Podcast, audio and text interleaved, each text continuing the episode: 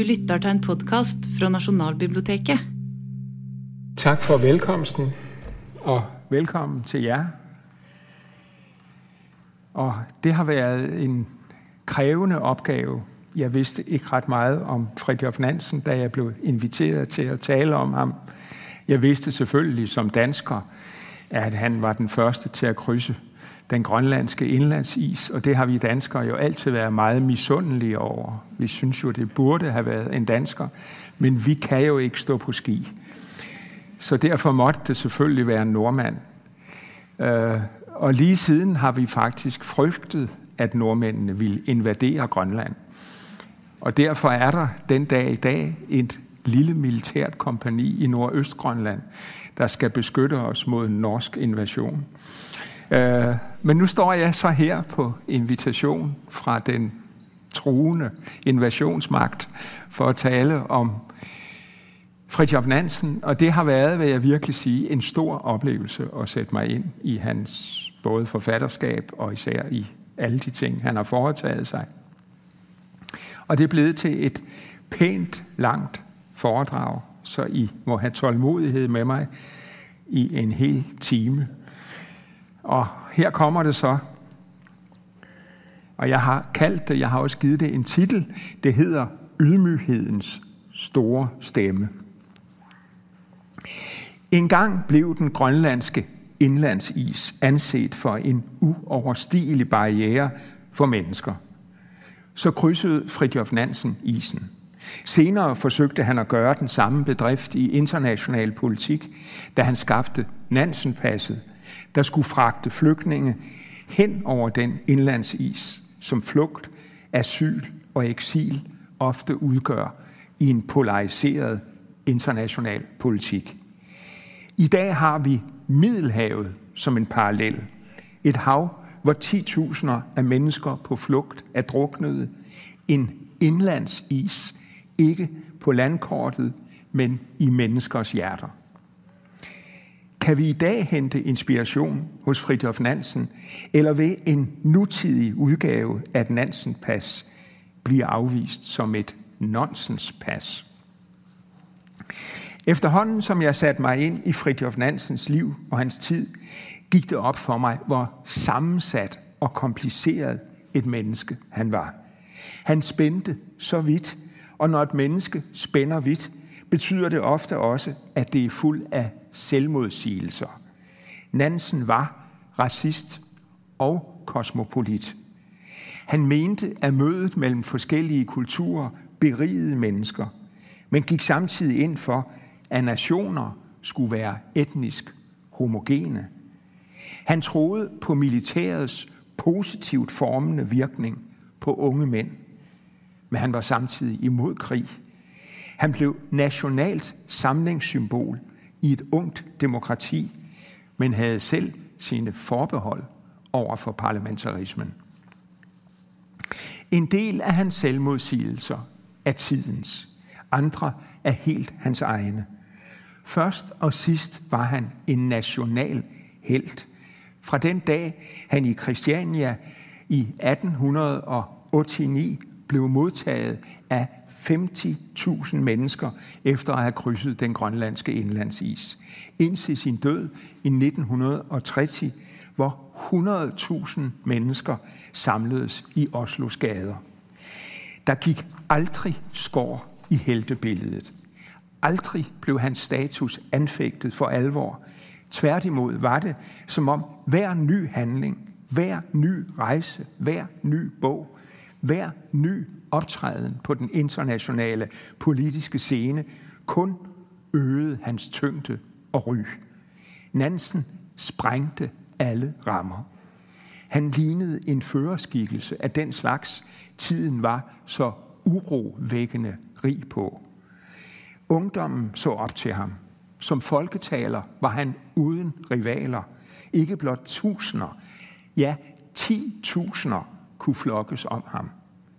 Hvis han selv havde villet og satset, hvad kunne han så ikke være endt som? En del var tiden, en del var Nansen selv. vi må ikke undervurdere, at Norge var ny som nation, og både i tilløbet til uafhængigheden og i fejringen af den, havde brug for en samlende figur, som var noget mere og større end en politiker. Den arbejdsløse danske prins Karl, som blev den første konge i det nye rige, kunne ikke være den figur. Men hvorfor kunne Nansen? Begge var de gjort af samme stof som drømme. For nationsbyggere er drømmere. Men over Karl, der måtte tage navneskifte til Håkon, er der noget umiskendeligt pragmatisk. En prins, der er ledig på det royale arbejdsmarked, bebyrdet med et påtvunget navneskift, skift, uden det store sprogtalent, så han forbliver evigt dansktalende. Kan den gendøbte konge overhovedet stå på ski? Og Fridtjof Nansen, han har alle eventyrkongens egenskaber. Opdagelsesrejsende, polarforsker, videnskabsmand og vigtigst af alt, Nansen står på ski. Det er skiene, der er hans vej ind i verden, og Norge følger ham i berømmelsen. Her har vi Norges evige dilemma, når det kommer til nationsbyggeri. En hver nation er, som den britiske historiker Benedict Anderson har vist det, et forestillet fællesskab, an imagined community, skabt af lige dele geografi, historie, fantasi og ønsketænkning. Og så lyder spørgsmålet, er der mere end ski i nordmanden? Ja, i Nansen er der. Benedikt Andersson ville, hvis han havde studeret norsk historie, have været nødt til at opfinde en helt ny kategori til Fridtjof Nansen.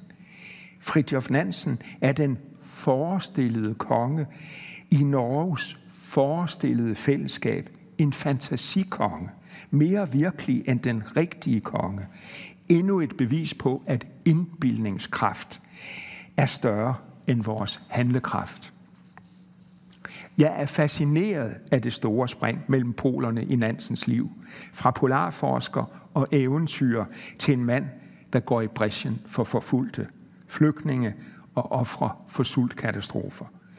Hvor går vejen fra det ene til det andet? Hvem er polarforskeren? Hvem er humanisten, der engagerer sig på de forfulgte side? Har de to noget til fælles? Der er mere i mit spørgsmål end bare en stor sammensat personligheds indre rejse. For alt, hvad Nansen tænker, forestiller sig og gør, er også en norsk rejse. Med skiene på vej tværs over Grønlands indlandsis udlever han en norsk drøm.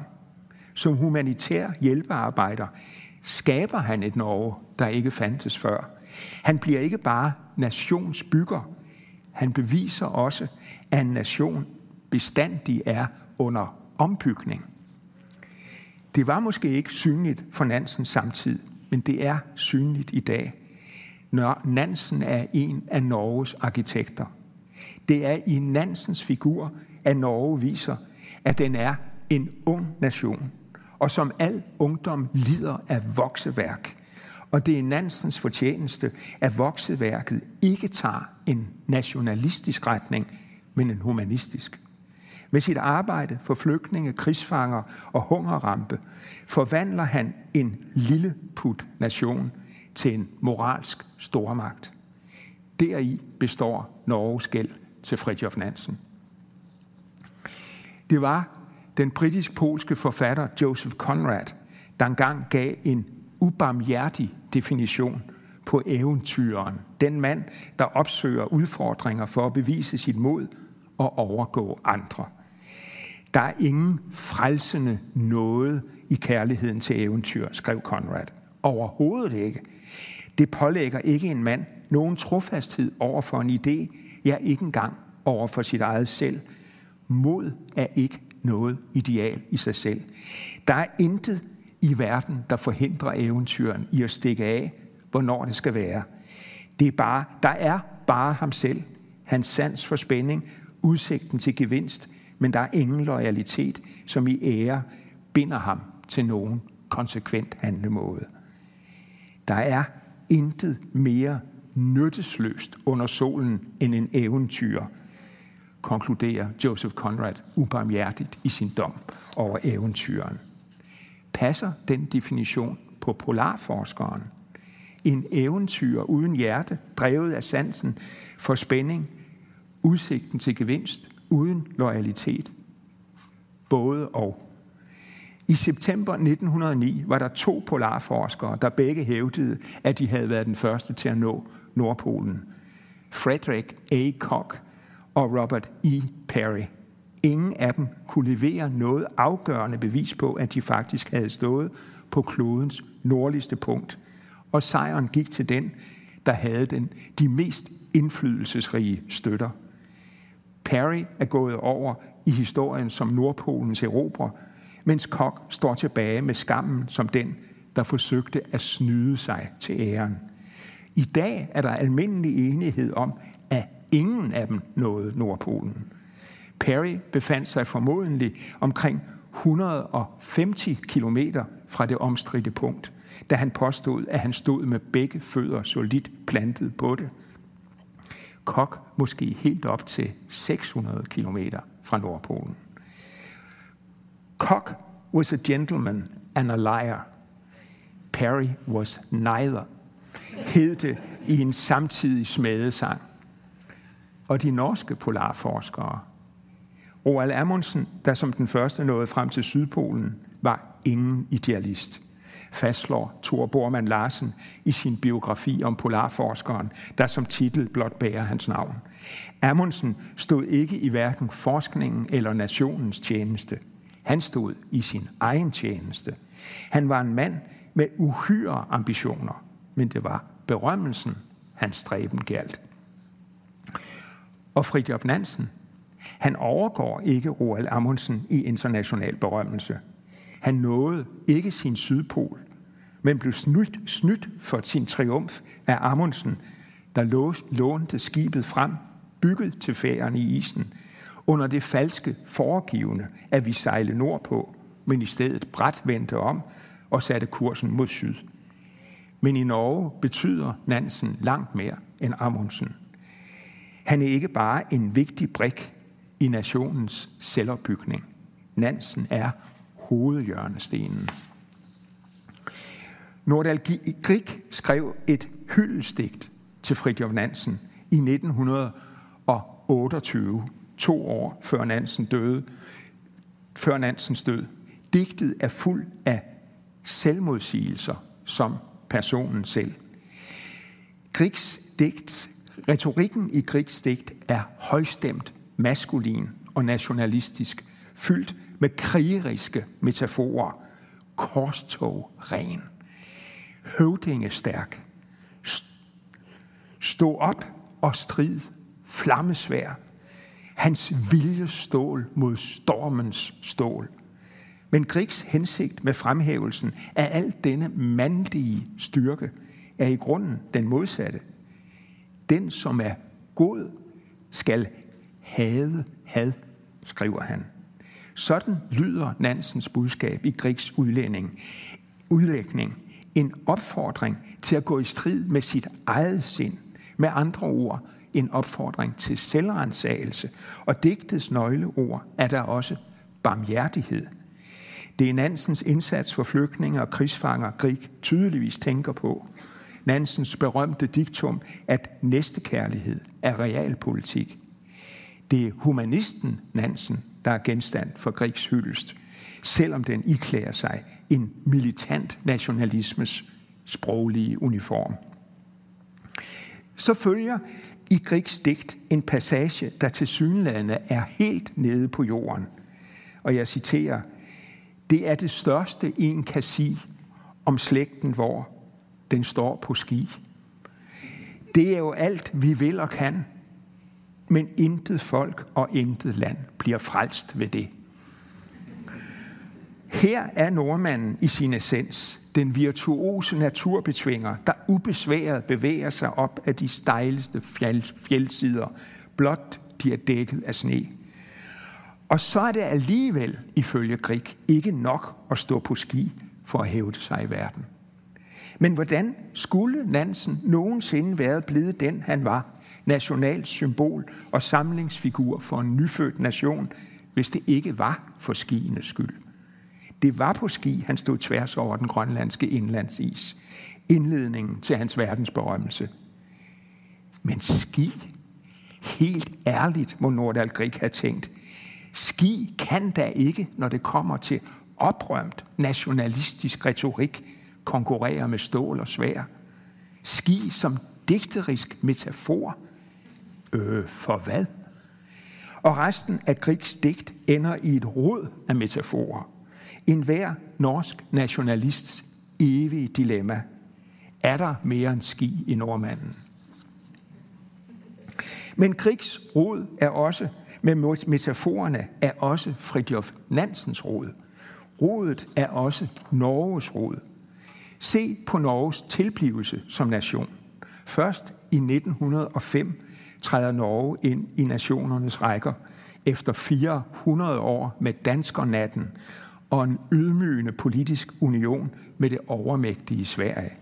Norge er akkurat som Tyskland en verspätete nation. En forsinket nation. For sent til kolonialismen, for sent til erobringer og for lille til militær selvhævdelse i sidste øjeblik, som Tyskland forsøgte sig med. Norge er svækket i selve fødselsøjeblikket af den gigantiske overladning, som udvandringen til Amerika udgjorde. Tre kvart million mennesker vendte ryggen til en i forvejen næsten folketom nation, der måtte kæmpe et helt århundrede bare for at nå op på to millioner indbyggere. Der er ingen våbenlarm, der ledsager Norges fødsel. Blot besindigt diplomati, ingen militære slag eller sejre, intet svær og intet stål. Mere pragmatisk kan det ikke blive. Mere uheroisk kan det ikke blive. Så hvad skal en stakkels Nordals Grik med sans for det heroiske, den store, selvopoffrende gestus, dog stille op med sine metaforer? Hvad skal et sådan land dog stille op? Lad mig sammenligne Norge med Danmark. Vi kom ikke for sent til kolonialismen, selvom det kun var en beskeden stump af kloden, vi erobrede. Men vi havde dog Grønland, en håndfuld vestindiske øer, og frem for alt sad vi på en stor del af slavehandlen fra, det vest, fra den vestafrikanske kyst til Amerika. Et i dag skamfuldt kapitel, som vi stadig bruger energi på at bagatellisere. I kraft af vores besiddelser i Norge, Nordatlanten og Nordtyskland var vi et nordeuropæisk multikulturelt imperium med en stærk flåde. Så tabte vi det hele og skrumpede ind til en lille udvækst på det europæiske kontinent, nabo til det stadig mere samlede, stadig mere truende Tyskland, der var opsat på med militære erobringer at rette op på sin status som forsinket nation. Vores bevidsthed som danskere fødes ved slaget på Dybbøl i 1864, hvor vi taber 40 procent af vores territorium til Bismarcks Preussen. Nederlagets bitre smag har belejret vores smagsløg lige siden. Vi opgiver for altid at se os selv som en heroisk nation, eller forbinde Danmark med svær stål og militære erobringer. Vores digtere må søge andre steder hen end slagmarken, når de vil hylde et skrumpet, forskræmt land. På godt og ondt vender vi os indad i selvtilstrækkelighed, men også i opbyggelighed. Hvad ud af tabes skal indad vindes, lyder det nationale slagord i en nation, der vender ryggen til verden. Vender ryggen til en verden, der allerede har vendt ryggen til den. Og her er den store forskel til Norge. Norges dybbøl ligger så mange århundreder tilbage i tiden, at nederlag er godt og grundigt glemt.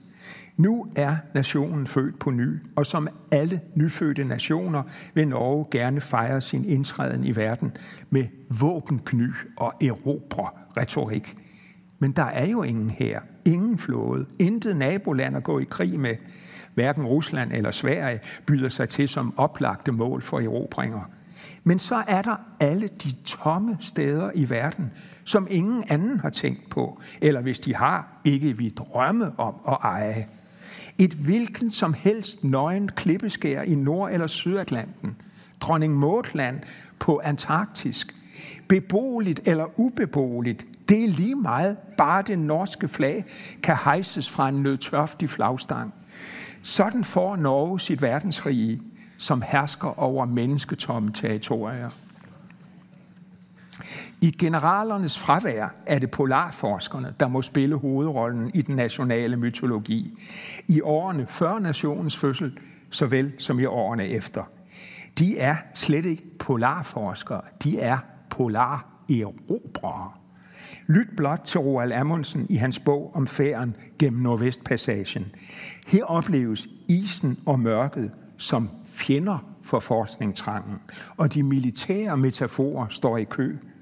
Polarforskerne løber stormløb mod isen, og ekspeditionerne hyldes som angreb, der skal ende med at slå en revne i ismuren. Det er et erobringstogt, polarforskeren begiver sig ud på, og det er på sit lands vegne, han slår hul på verden. Amundsen følte sig som nordmand, men det betød ikke, at han følte sig som repræsentant for en overlegen nation.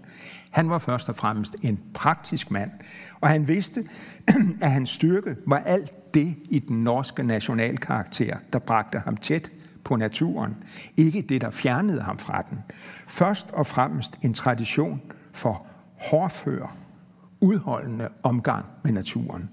Amundsen drømte ikke om at demonstrere en eller anden indbildt overlegen norsk kultur på sin færd gennem Nordvestpassagen.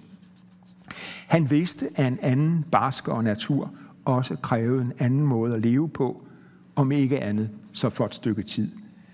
Gøa, som han som den første gennemsejlede Nordvestpassagen ombord, Nordvestpassagen ombord på, var ikke andet end en sildeskude på kun 47 bruttoregistertons. En enmastet jagt med plads til kun syv mand.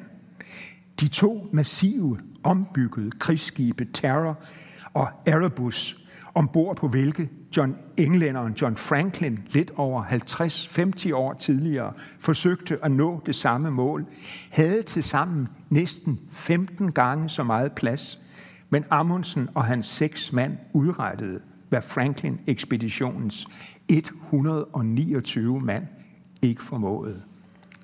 Skønt han ikke talte de lokale inuiters sprog, forstod Amundsen betydningen af at møde dem med et åbent sind. Han kunne skrive nedladende og i utvetydigt racistiske vendinger om de hæslige, fladnæsede eskimoer fra Grønlands nordvestkyst. Men han havde ikke noget imod at klæde sig som dem. Renskin mod den nøgne hud om vinteren, sælskin om sommeren. Han spiste som inuiterne og lærte at anse rensdyrtunge som en delikatesse. Det store gennembrud for polarforskningen kom først, da de hvide mænd lærte af inuiterne. Hundeslæden blev det transportmiddel, der førte Robert Perry næsten til Nordpolen, og Roald Amundsen helt til Sydpolen, og Knud Rasmussen fra Grønland til Alaska. Det var ikke Skots motoriserede slæder eller Shetlands ponyer, der erobrede Sydpolen. Bliv inuit eller bliv hjemme. Anskaf dig et hundespand eller giv op.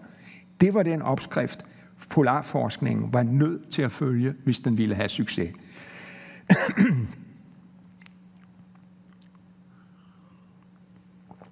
nu gik jeg en omvej over Roald Amundsen. Lad os vende tilbage til Fridtjof Nansen. Der er tre ingredienser i hans heltestatus. Tiden. Den genfødte nation havde brug for helte. Problemet Norge kunne ikke finde sine helte i hverken visionære politikere, folkefører eller soldater. Der var en ledig plads på helteparnasset. Det blev polarforskeren, der måtte optræde i rollen som Europa. Og så er der den tredje uundværlige ingrediens, skiene. Skiene er for nordmanden, hvad harpunen, kajakken eller hundespandet er for inuiten. Ursymbolet på al norskhed, ydmyghed og tilpasning til naturen, ligesom svømmetagene er svømmerens tilpasning til vandet. Verden er i grunden et fremmed element for den nyfødte nordmand. De gammelkendte ski er hans vej ind i den. Fridtjof Nansen på vej over den grønlandske indlandsis præsterer noget, ingen nogensinde har præsteret før. Og dog foretager han sig bare, hvad enhver rigtig nordmand gør hver eneste dag vinteren igennem. Han står på ski. Fridtjof Nansen er i enestående grad sig selv og samtidig aller og enhver. Og enhver nordmand tænker ved synet af ham, at ingen anden end en nordmand kunne være gået over indlandsisen. Og der er slet ikke en dansker. Skiene sikrer nordmanden en plads i verden, som på en gang er ydmyg og overlegen.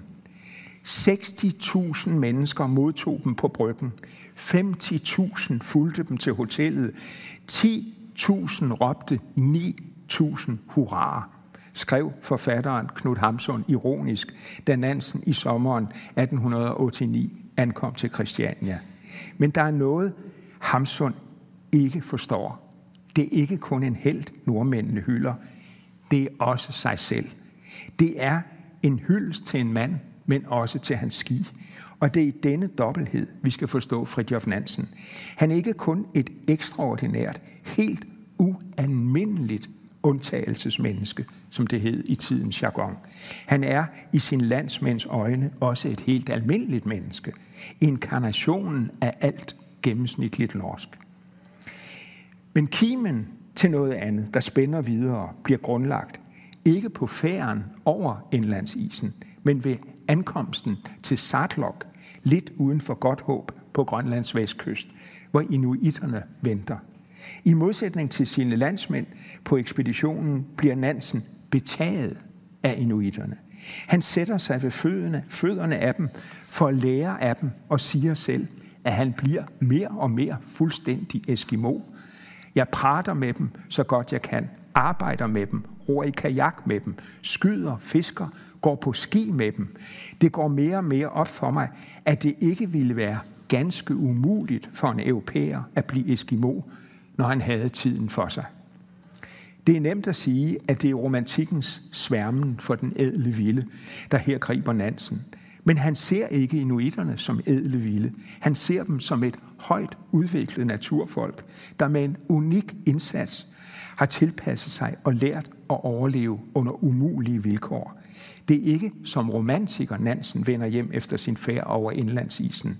Det er som antikolonialist, medbringende en politisk systemkritik, der også ender med at blive civilisationskritik.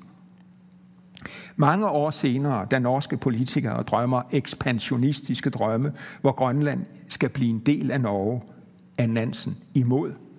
Hvorfor skulle de undertrykte inuiter udskifte et herrefolk med et andet? Og han skriver, landets retsmæssige ejere er eskimoerne, og deres interesser er det, som skulle være afgørende. Og det siger folkeføreren, som våger at gå imod folkestemningen. Det bedste og rigtigste, som både danskere og nordmænd og andre folkeslag med kan gøre, om det var muligt, ville være at holde sig bort og lade eskimoerne leve i fred uden europæisk indblanding. Nansen rummer dette store paradoks.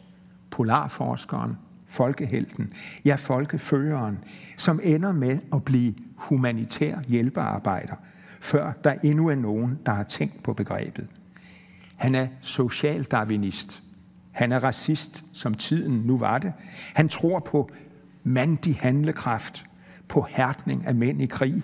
Han er imod blødsødenhed, som han håndeligt kalder feminisme.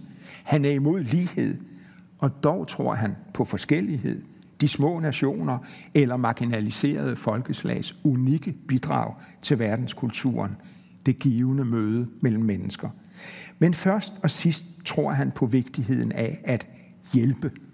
Det er derfor, han hjælper med at bringe krigsfanger hjem efter Første Verdenskrig. Det er derfor, han appellerer om nødhjælp til hungerramte russere under den borgerkrig, der følger den sovjetiske revolution. Det er derfor, han tager på en sjælsrystende rejse til de hungerramte områder, for ved selvsyn at dokumentere, hvad der sker. Det er derfor, han i vendinger så direkte direkte som få andre fordømmer det tyrkiske folkemord på armenierne. Men hvad driver ham? Han er for længst over livets midte. Hans popularitet, ikke kun i Norge, men i verden, er usvækket.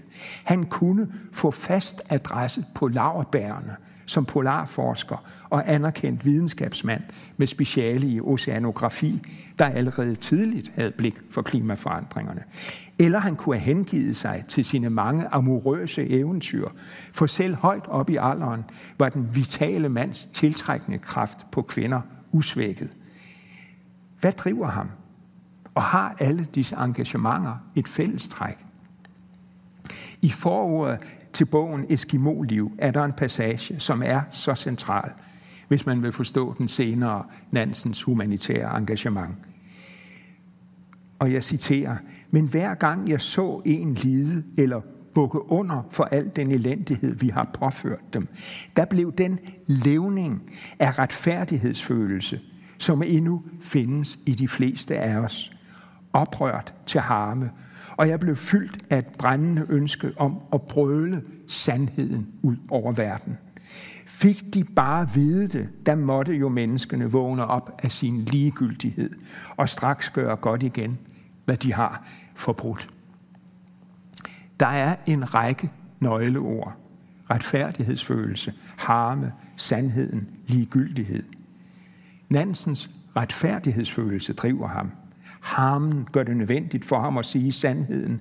Og så er der håbet tilbage om, at mennesker vil gøre det forbrudte godt igen. I en tale fra nytåret 1926 er det flygtninge, han taler om. Fra Mosul i Irak, i Marokko, i Lilleasien, Rusland og Armenien. Den private offervilje slår ikke til, konstaterer han. Regeringerne må træde til, men nøler – for tænk, hvis de kom til at hjælpe en sovjetregering. Men for Nansen handler det ikke om politisk farve eller nationalitet. Det handler om hjemløse og retsløse. Og jeg citerer, uden fædreland, uden borgerlige rettigheder, uden regering til at beskytte dem. Da han skal opsummere sine seks år i Folkeforbundets tjeneste, beskriver han det sådan her. I alle disse år har jeg haft med 100.000 af krigsfanger, med hungersnød, med flygtende at gøre. Han har set, og jeg citerer igen, oldinger, kvinder, små hjælpeløse børn, forladt ensomme ved krigens omskiftelser, fortabte, plyndrede, berøvet alt af værdi i denne verden. Den 30. september 1922 holder han i Folkeforbundet i Genève en uforglemmelig tale, hvor han appellerer om hjælp til den udhungrede russiske befolkning. Forsøg at forestille dem, hvad det vil sige, når der ikke findes mad, og hele befolkningen kommer vandrende gennem det tomme land, søgende efter noget at spise. Mænd, kvinder og børn falder døde om i tusindvis i Ruslands sne. Forsøg at forestille dem, hvad det betyder. Jeg er sikker på, at de ikke kan sidde roligt og svare med koldt hjerte, at det gør dem ondt, men de kan desværre ikke hjælpe. Nansen appellerede til de europæiske stormagter, men de nægtede at hjælpe.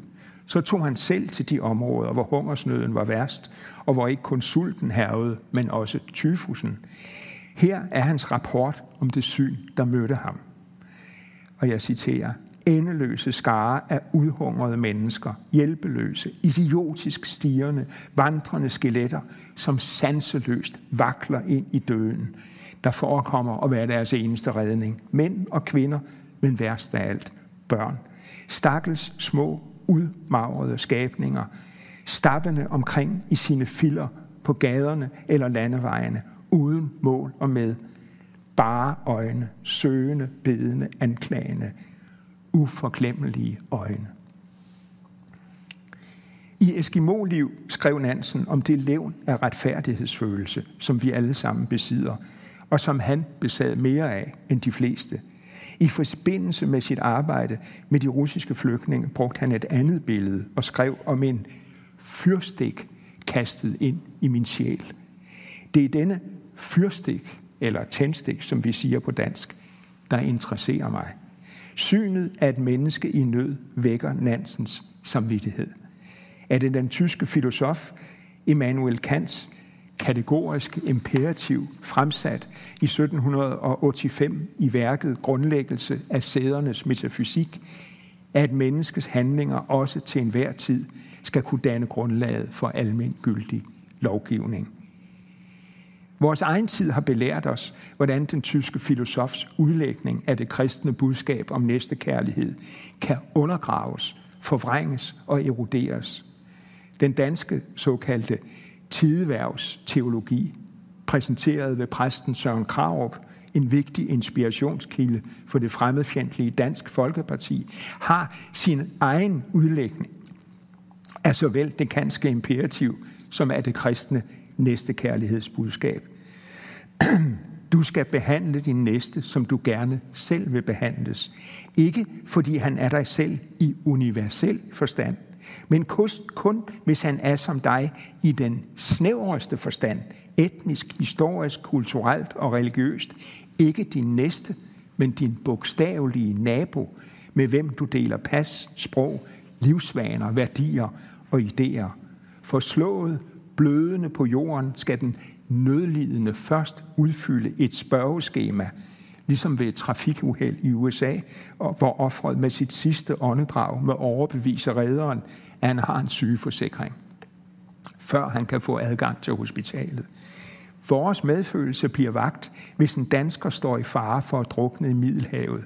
Ikke hvis en eritreer, syrer eller afghaner gør det. Nansen spurgte selv, hvorfor der var forskellige moralske standarder, når det kom til enkeltmennesket og samfundet. Den, der hjalp sin nabo, blev anset for et godt menneske.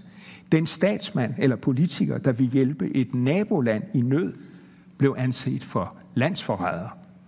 Hvorfor var det sådan, at den samfølelse, solidaritet, sammenhæng og kontinuitet, kontinuitet folk følte for den nærmeste, for familien og landsmænd, forsvandt, når det kom til folkeslag fra andre lande? Var sultens gnaven mindre pinefuld for en russer end for en nordmand? Var et barns død mindre tragisk i Armenien end i Norge? Nansen oplevede det selv, da han i 1921 førte sin kampagne for at hjælpe det hungerramte russiske folk. Aftenposten forsøgte at sabotere hans indsamling med en frit opfundet hungersnød i Finnmarken. Hvorfor hjælpe fremmede, når vores egne er i nød? Er der et navn til Nansens etik? Jeg vil kalde den fyrstik-etikken. Der er denne evige anfægtelse i Nansens biografi. Han kunne jo bare have lavet være. Vi ved alle sammen, hvor fristende nemt det er bare at lade være. Kravet om moralsk nærvær og tilstedeværelse er altid forstyrrende. Omtrent som en indbrudstyv i et veltilrettelagt liv. Vi trives alle bedst med at fortsætte i vores egne uanfægtede baner. Der findes denne joke på engelsk om arbejde, der er ubehageligt, men nødvendigt at udføre, også selvom det kan forekomme moralsk stødende. It's a dirty job, but somebody's got to do it. Hvis vi vender joken på hovedet og siger, it's a good job, but somebody's got to do it, så udstiller vi vores modvilje, vores indre modstand mod den krævende, ubekvemme godhed. Og er det ikke lige så sigende et billede? Se blot på Nansens fyrstik-metafor. Fyrstikken skaber lys, men den tænder også ild. En fyrstik kan forårsage en brand, og sådan opfatter vi samtidig kravet om godhed, som en brand, der kan lægge vores velordnede liv øde. Godheden kan slippe kaos løs i vores liv, og derfor lukker vi døren for den. Det er også derfor, at Nansens udsagn, at næstekærlighed er realpolitik, er så provokerende. For det er aldrig indlysende, at politik skal styres af næstekærlighed en interesse af politikens drivkraft. Og fordi vi lever i et demokrati, anerkender vi, at der findes mange forskellige egeninteresser, og de må finde en balance i en gensidig hensyntagen. Men den barmhjertige samaritaner var aldrig nogen rollemodel. Han er en fredsforstyrrer. Jo, vi ville kunne se en fornuft i samaritanerens handling, hvis den sårede for fødderne af ham var en etnisk fælde, en anden samaritaner. Så ville der være et realpolitisk element i hjælpen til ham. En snusfornuftig nyttetænkning. Og det er altid realpolitikens horisont. Nødvendigheden af at vælge de ideelle fordringer fra. Hvis der er en definition på realpolitik, så er det denne at nyttetænkningens konsensus altid er stærkere end samvittigheden. Samvittigheden er også en social konstruktion, og det står i flertallets magt at ændre den. Men Nansen siger det modsatte. Samvittighedens fordring, den stumme bøn, der udgår fra det forsvarsløse menneske, ja, fra den blotte hjælpeløshed selv, er absolut og uomgængelig. Jeg søgte et begreb til Nansens fyrstik moral og fandt det med inspiration fra den danske slavist Tine Rosen hos den russiske sprog- og litteraturforsker Mihail Bakhtin, mest kendt for sine bøger om Rabelais og Dostojevski. I en tidlig tekst fra 1918 præsenterer han et begreb om menneskets ikke-alibi i tilværelsen. Jeg citerer Tine Rosens udlægning, da jeg ikke har haft adgang til originalen. Nøjagtigt der, hvor jeg befinder mig i et givet nu, er der ikke andre, der befinder sig. Og rundt om mit konkrete her og nu, er der heller ikke andre, der befinder sig. Og rundt om mit konkrete her og nu, udfolder tilværelsen sig på uigentagelig vis. Ingen andre kan derfor agere i mit sted, og jeg kan ikke lade, som om jeg befinder mig et andet sted. Jeg har ikke noget alibi men må indse det ansvar, jeg har i den konkrete tid og det konkrete rum. Og med den indsigt må jeg med mine handlinger bekræfte mit ikke-alibi. I modsat fald lever jeg et repræsentativt, ritualiseret og i dybeste forstand passivt liv, uanset hvor travlt jeg synes, jeg har. Det kan også siges helt kort, når det kommer til den nansenske fyrstikketik. Hvis jeg ikke gør noget, er der ingen, der gør noget. Derfor har jeg ingen undskyldninger. Jeg har intet alibi for ikke at handle. For den påstand, at mit eget liv må komme først, er ikke et alibi. Det er det, Nansen mener med den fyrstik, der kastes ind i hans sjæl. Han har ikke noget alibi for ikke at handle, når han støder på uretfærdighed og nød. Han står altid for sin egen indre domstol. Og dog var der på hans berømmelses højde intet, der havde været lettere end at leve det, Bakhtin kalder et repræsentativt, ritualiseret og passivt liv.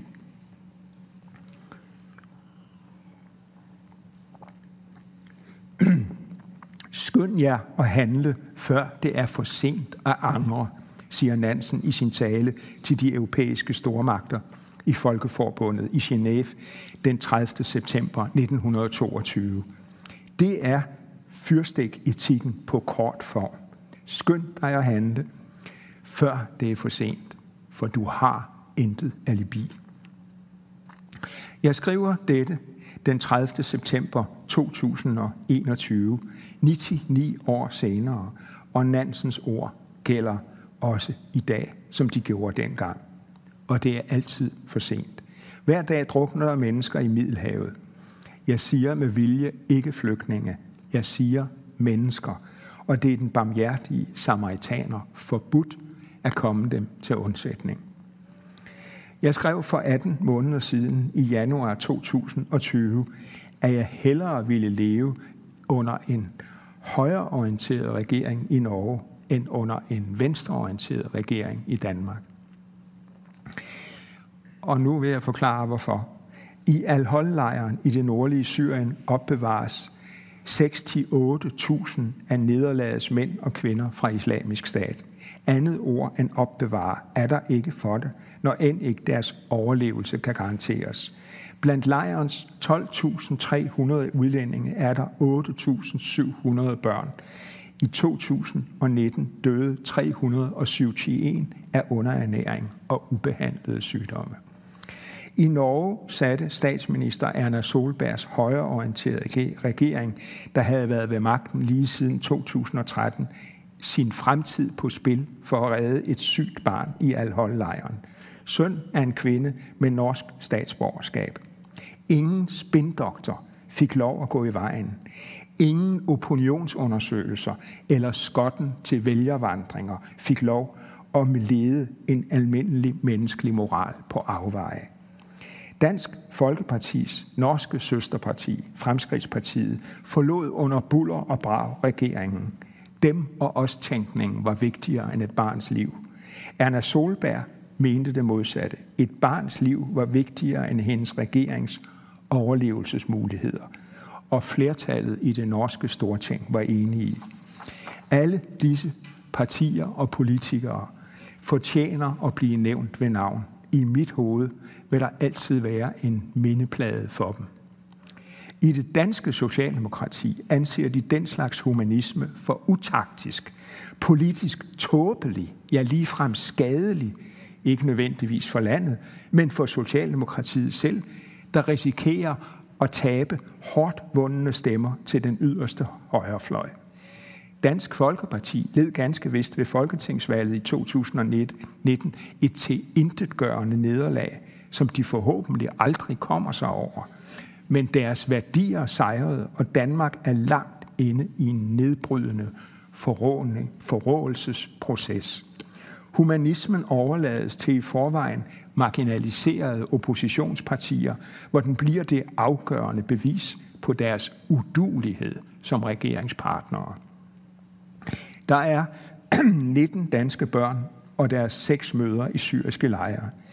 Tre af møderne er blevet frataget deres danske statsborgerskab, og derfor er hverken de eller deres fem børn længere vores ansvar.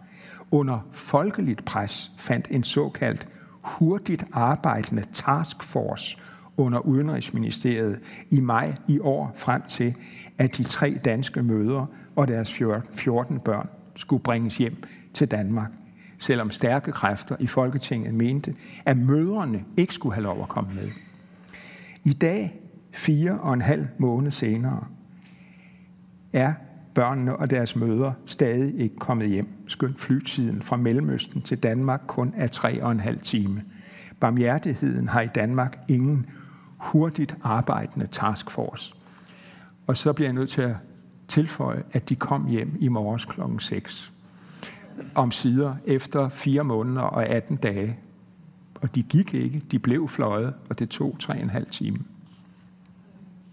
Hvad ville Nansen have sagt? Skynd jer at handle, før det er for sent at angre. Lad mig give et par eksempler mere. Danmark hjemsender i disse dage hundredvis af syriske flygtninge med den begrundelse, at Damaskus pludselig er blevet et sikkert sted. Det er en enestående indsigt i syriske forhold, som Danmark har monopol på. Ingen andre regeringer i den europæiske union deler synspunktet, at det skulle være sikkert for flygtninge at returnere til Syrien. Og eksperterne bag den rapport, som regeringen bruger som begrundelse, har alle med undtagelse af en syrisk general offentligt udtalt, at de føler sig misbrugt af den danske regering. Den pludselige bølge af hjemsendelser skyldes et simpelt, meget gennemskueligt forhold, som intet har at gøre med den syriske slagmark.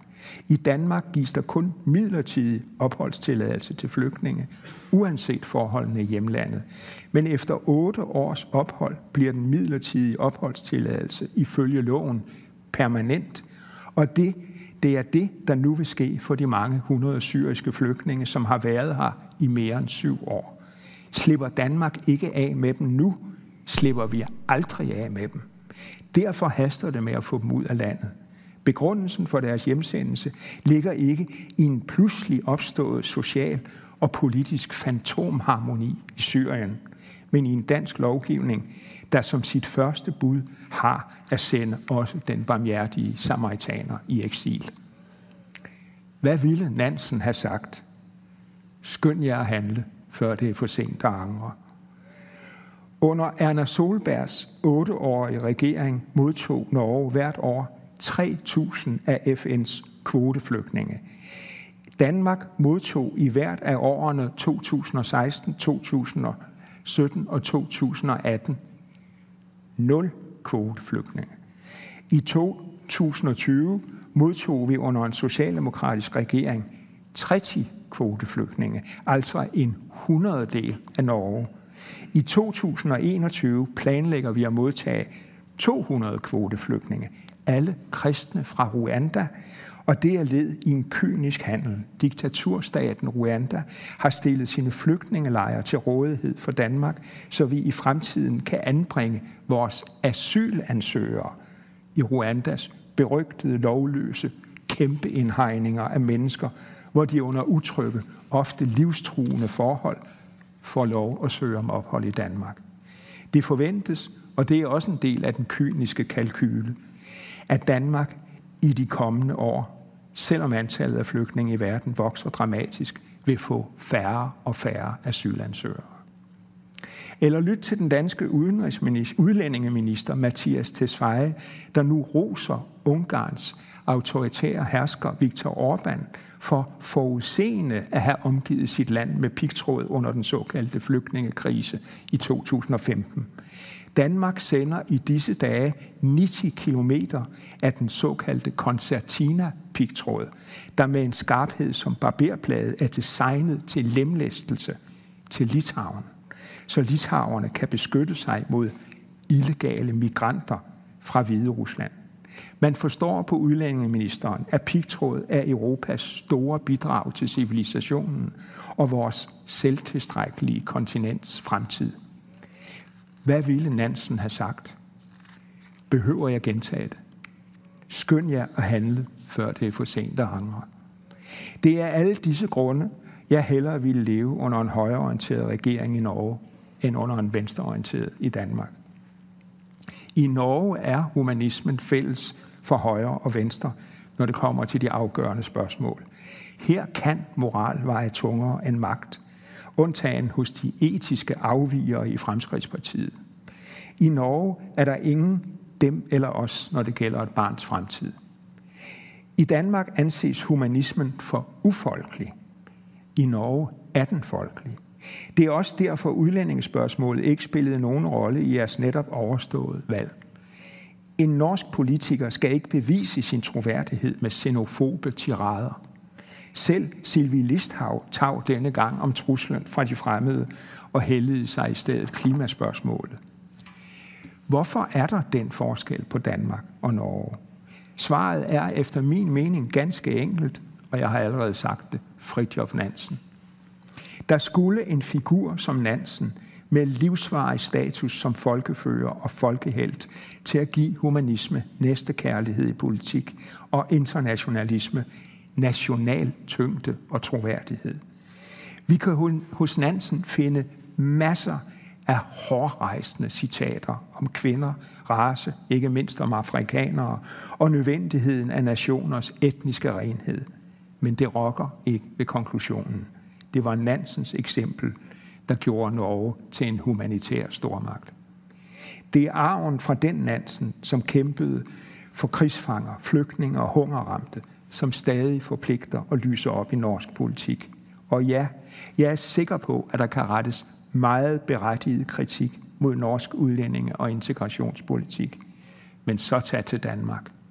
Så vil I forstå, hvorfor det betyder noget at have en mand som med Fridtjof Nansens internationale udsyn og humanitære engagement i sin historie. Nansen krydsede som den første den grønlandske indlandsis og vandt sig livsvarig verdensberømmelse. Men han krydsede også en anden indlandsis, den der så nemt vokser frem i hjertet på nidkære nationalister. Og nidkære nationalister, det er I alle sammen, kære nordmænd.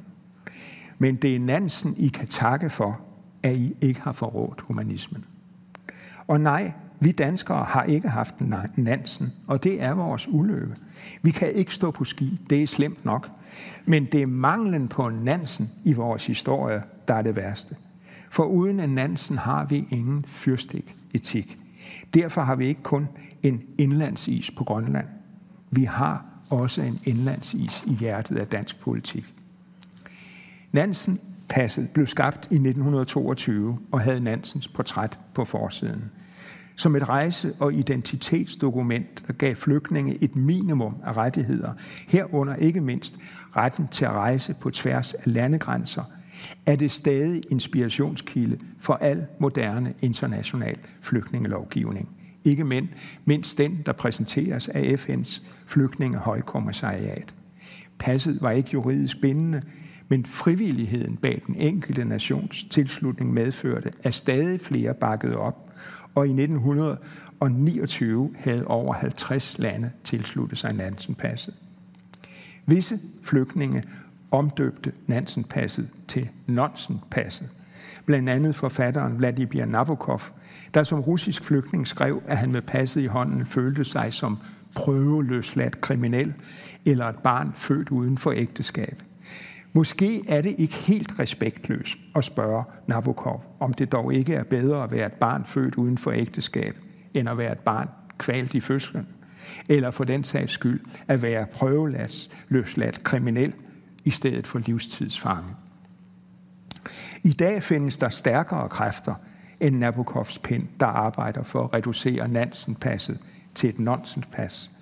Tag den europæiske unions Dublin-aftale, som også Norge har tilsluttet sig, som dekreterer, at en flygtning kun har lov at søge asyl i det samme land, hvor han første gang får taget sit fingeraftryk. Det lægger ikke blot en unødig belastning på modtagerlandene langs Middelhavet, som Grækenland, Malta og Italien. Det fratager også flygtningen det frie valg og enhver fri bevægelighed. Men det er tendensen i forræderiet mod arven fra Nansen. De to ord, flygtning og rettigheder, skal helst ikke optræde i sammensætning. Nogle gange berøver historien mennesker alt. Det kunne være definitionen på en flygtning. Et menneske, hvis liv historien har stjålet. Der er en dybt ubehagelig indsigt, vi kæmper for at fortrænge, når vi konfronteres med flygtningestrømmen indlevelsens første elementære bud. Det kunne være os. I et glimt aner vi, at vi ikke er vores egne herrer, men i hænderne på en nådesløs vandal, der ikke arbejder med en mejsel, men med en hammer. Men vi værer os mod denne indsigt, skønt den er essensen af al verdens historisk lærdom. Og vores væring begrunder sig i en cirkelslutning. Vi er jo de privilegerede. Og katastrofer rammer ikke de privilegerede. Så kommer flygtningesommeren 2015. De går på vores motorveje. De fylder vores togstationer. Der er ingen kameraer eller beskyttende skærme mellem os og dem. De ligner en zombie her, som de samler sig foran vores døre. Eller står de der måske som mennesker, uoverkommeligt påtrængende i deres krævende nærvær – det er i så fald det største chok af alle. Zombier kræver ingen omsorg, hjælp eller medfølelse. De vil ikke flytte ind. De er ikke kommet for at leve med os. De har ingen kultur, vi skal indleve os i. De skal hverken integreres eller assimileres. De skal bare skydes ned. Med mennesker er det sværere. Det er ikke en identitet at være flygtning. Det er et tab af identitet, når du må lade alt bag dig. Og det er kamp for en ny identitet, når du skal lære at begå dig i en helt ny verden. Mennesker, der har været på flugt, rummer mange historier og kulturer i sig. Det gør dem ikke fattigere, men rigere og klogere, hvis blot ikke tabets traumer tvinger dem i knæ. Deres adgangsbillet til vores land er deres tragedier, som de i krydsforhør hos myndighederne tvinges til at fortælle igen og igen. Men det er ikke alt, hvad der er at sige. Historien om en flugt er også en historie om mod og håb og omsorg. En kærlighed til livet, der nægter at lade sig knægte. En ansøgning om asyl er en ansøgning om igen at blive menneske. Startpunktet på Fridtjof Nansens rejse mod humanismen starter i den lille by Sartlok på den grønlandske vestkyst, hvor han efter måneder samvær med inuiterne udtaler – og jeg citerer det igen, at det går mere og mere op for mig, at det ikke ville være umuligt for en europæer at blive Eskimo. Nansens ord er langt mere radikale, end de ved første øjensyn tager sig ud. En mere antikolonialistisk udsagn kan ikke tænkes. Kolonimagternes kyniske alibi for en skånselsløs mishandling af de såkaldte indfødte var altid, at de blot ville civilisere dem. Vi er kommet for at lære jer at blive ligesom os. Humanismens idé om det universelle menneske er smuk. Til trods for alle de forskelle, der adskiller os, tilhører vi samme menneskelige fællesskab, lyder grundtanken. Kolonialisterne hævder også at tro på det universelle menneske. Blot er det vesteuropæeren, der er standardmodellen. Og alle andre folkeslag, uanset hvor afmægtigt primitive deres kultur er, kan alle blive medlemmer af det menneskelige fællesskab, blot de bliver som os. Nansens budskab er det modsatte. Inuiterne skal ikke blive som os. Vi kan i stedet lære af dem. Nansens retfærdighedsfølelse blev for første gang vagt, da han så, hvordan inuiterne med deres enestående tilpasningsevne til en overmægtig natur gik til grunde i mødet med vores kultur. En fyrstik blev kastet ind i hans sjæl. Hvad der ikke gik op for ham var, at hans møde med inuiterne i Satlok også var hans første møde med flygtninge. Nej, inuiterne i Sartlok var ikke blevet tvunget væk fra den kyststrækning, hvor de havde levet i 100 generationer. Men deres kultur kunne ikke længere anvise dem en vej gennem livet, og så blev de åndeligt hjemløse. Ikke flygtninge i ordets bogstavelige forstand, som mennesker, der var tvunget til at forlade deres land, men internally displaced, for nu at bruge et udtryk fra det byråkratsprog, der definerer og kategoriserer flygtningen Inuiterne var blevet for internt fordrevne i sjælelig forstand. De kunne kigge op mod nattehimlen, og stjernebillederne havde ikke længere noget budskab til dem. Isbjørnene, sælerne, valerne, rylperne var holdt op med at tale til dem. Og så var de i et fremmed land. Den amerikanske sociolog Richard Bennett har i en lille bog, The Foreigner, gjort opmærksom på, at filosofen Immanuel Kant udviklede sit begreb om det universelle menneske i en tid, hvor der praktisk taget ikke fandt nogen udvandring eller massebevægelse af mennesker sted. Chancen for at møde et menneske, der præsenterede en anden kultur eller religion på gaden, var minimal. Alt synes dengang på sin rette plads i en verden, der fejrede balance og ligevægt som sociale idealer. Men ubalance og uligevægt er blevet et moderne eksistensvilkår. Tvinges vi ikke til bogstaveligt at flytte rundt på landkortet, gør vi det åndeligt. Vi er alle internt fordrevne. Fra land til by, fra en epoke til en anden, fra en rodfæstet kultur til en rodløs. Vi deler livsvilkår med de inuitter, Nansen mødte, og hvis skæbne oprørte ham. Deres skæbne er nu vores. Som de lever vi i en verden i permanent ubalance. Det er derfor, hver generation må opfinde sin verden på ny.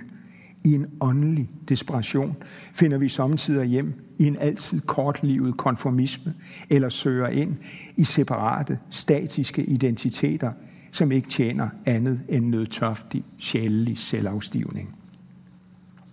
Det er her Fridtjof Nansen i Satlok på den grønlandske vestkyst forbliver en absolut moderne figur, også i dag, med sin lærevillighed og sin evne til at genopfinde sig selv. Her kan også fremtidens Norge bruge ham som rollemodel på samme måde som dagens flygtninge ikke skal stemples som hverken marginaliserede nødstede eller til oversblevne mennesker. De er tværtimod inkarnationen af ubalancen som et moderne eksistensvilkår. Og hvis vi ikke bliver som dem, i stand til at se tilbage uden at blive nostalgikere, i stand til at se frem uden at blive opportunister, overlever vi ikke på en klode i hastig, ubarmhjertig forandring, der bogstaveligt smelter, tør, smuldrer og eroderer bort under fødderne på os. I en sådan verden er også flygtningen universel borger, med samme status som os, et fuldgyldigt medlem af et truet fællesskab med erfaringer, vi ikke har råd til at ignorere. Hvis polaregnene lærer os noget om menneskelivet, er det vores ekstreme tilpasningsdygtighed til selv den hårdeste, mest ubarmhjertige natur. I den antropocene tidsalder stiller spørgsmålet sig på en helt ny måde. Det eksistentielle spørgsmål, hvem er jeg, der normalt spilles, stilles af kunsten eller religionen, eller af den enkelte i en ensom, ruende stund, bliver pludselig et spørgsmål, der må stilles på menneskeartens vegne. Og for en art, der smykker sig med den måske illusoriske, måske sande forestilling, at den besidder viljens frihed, kan spørgsmålet ikke skilles fra et spørgsmål med endnu mere vidtrækkende, dramatiske konsekvenser. Hvem vil vi være?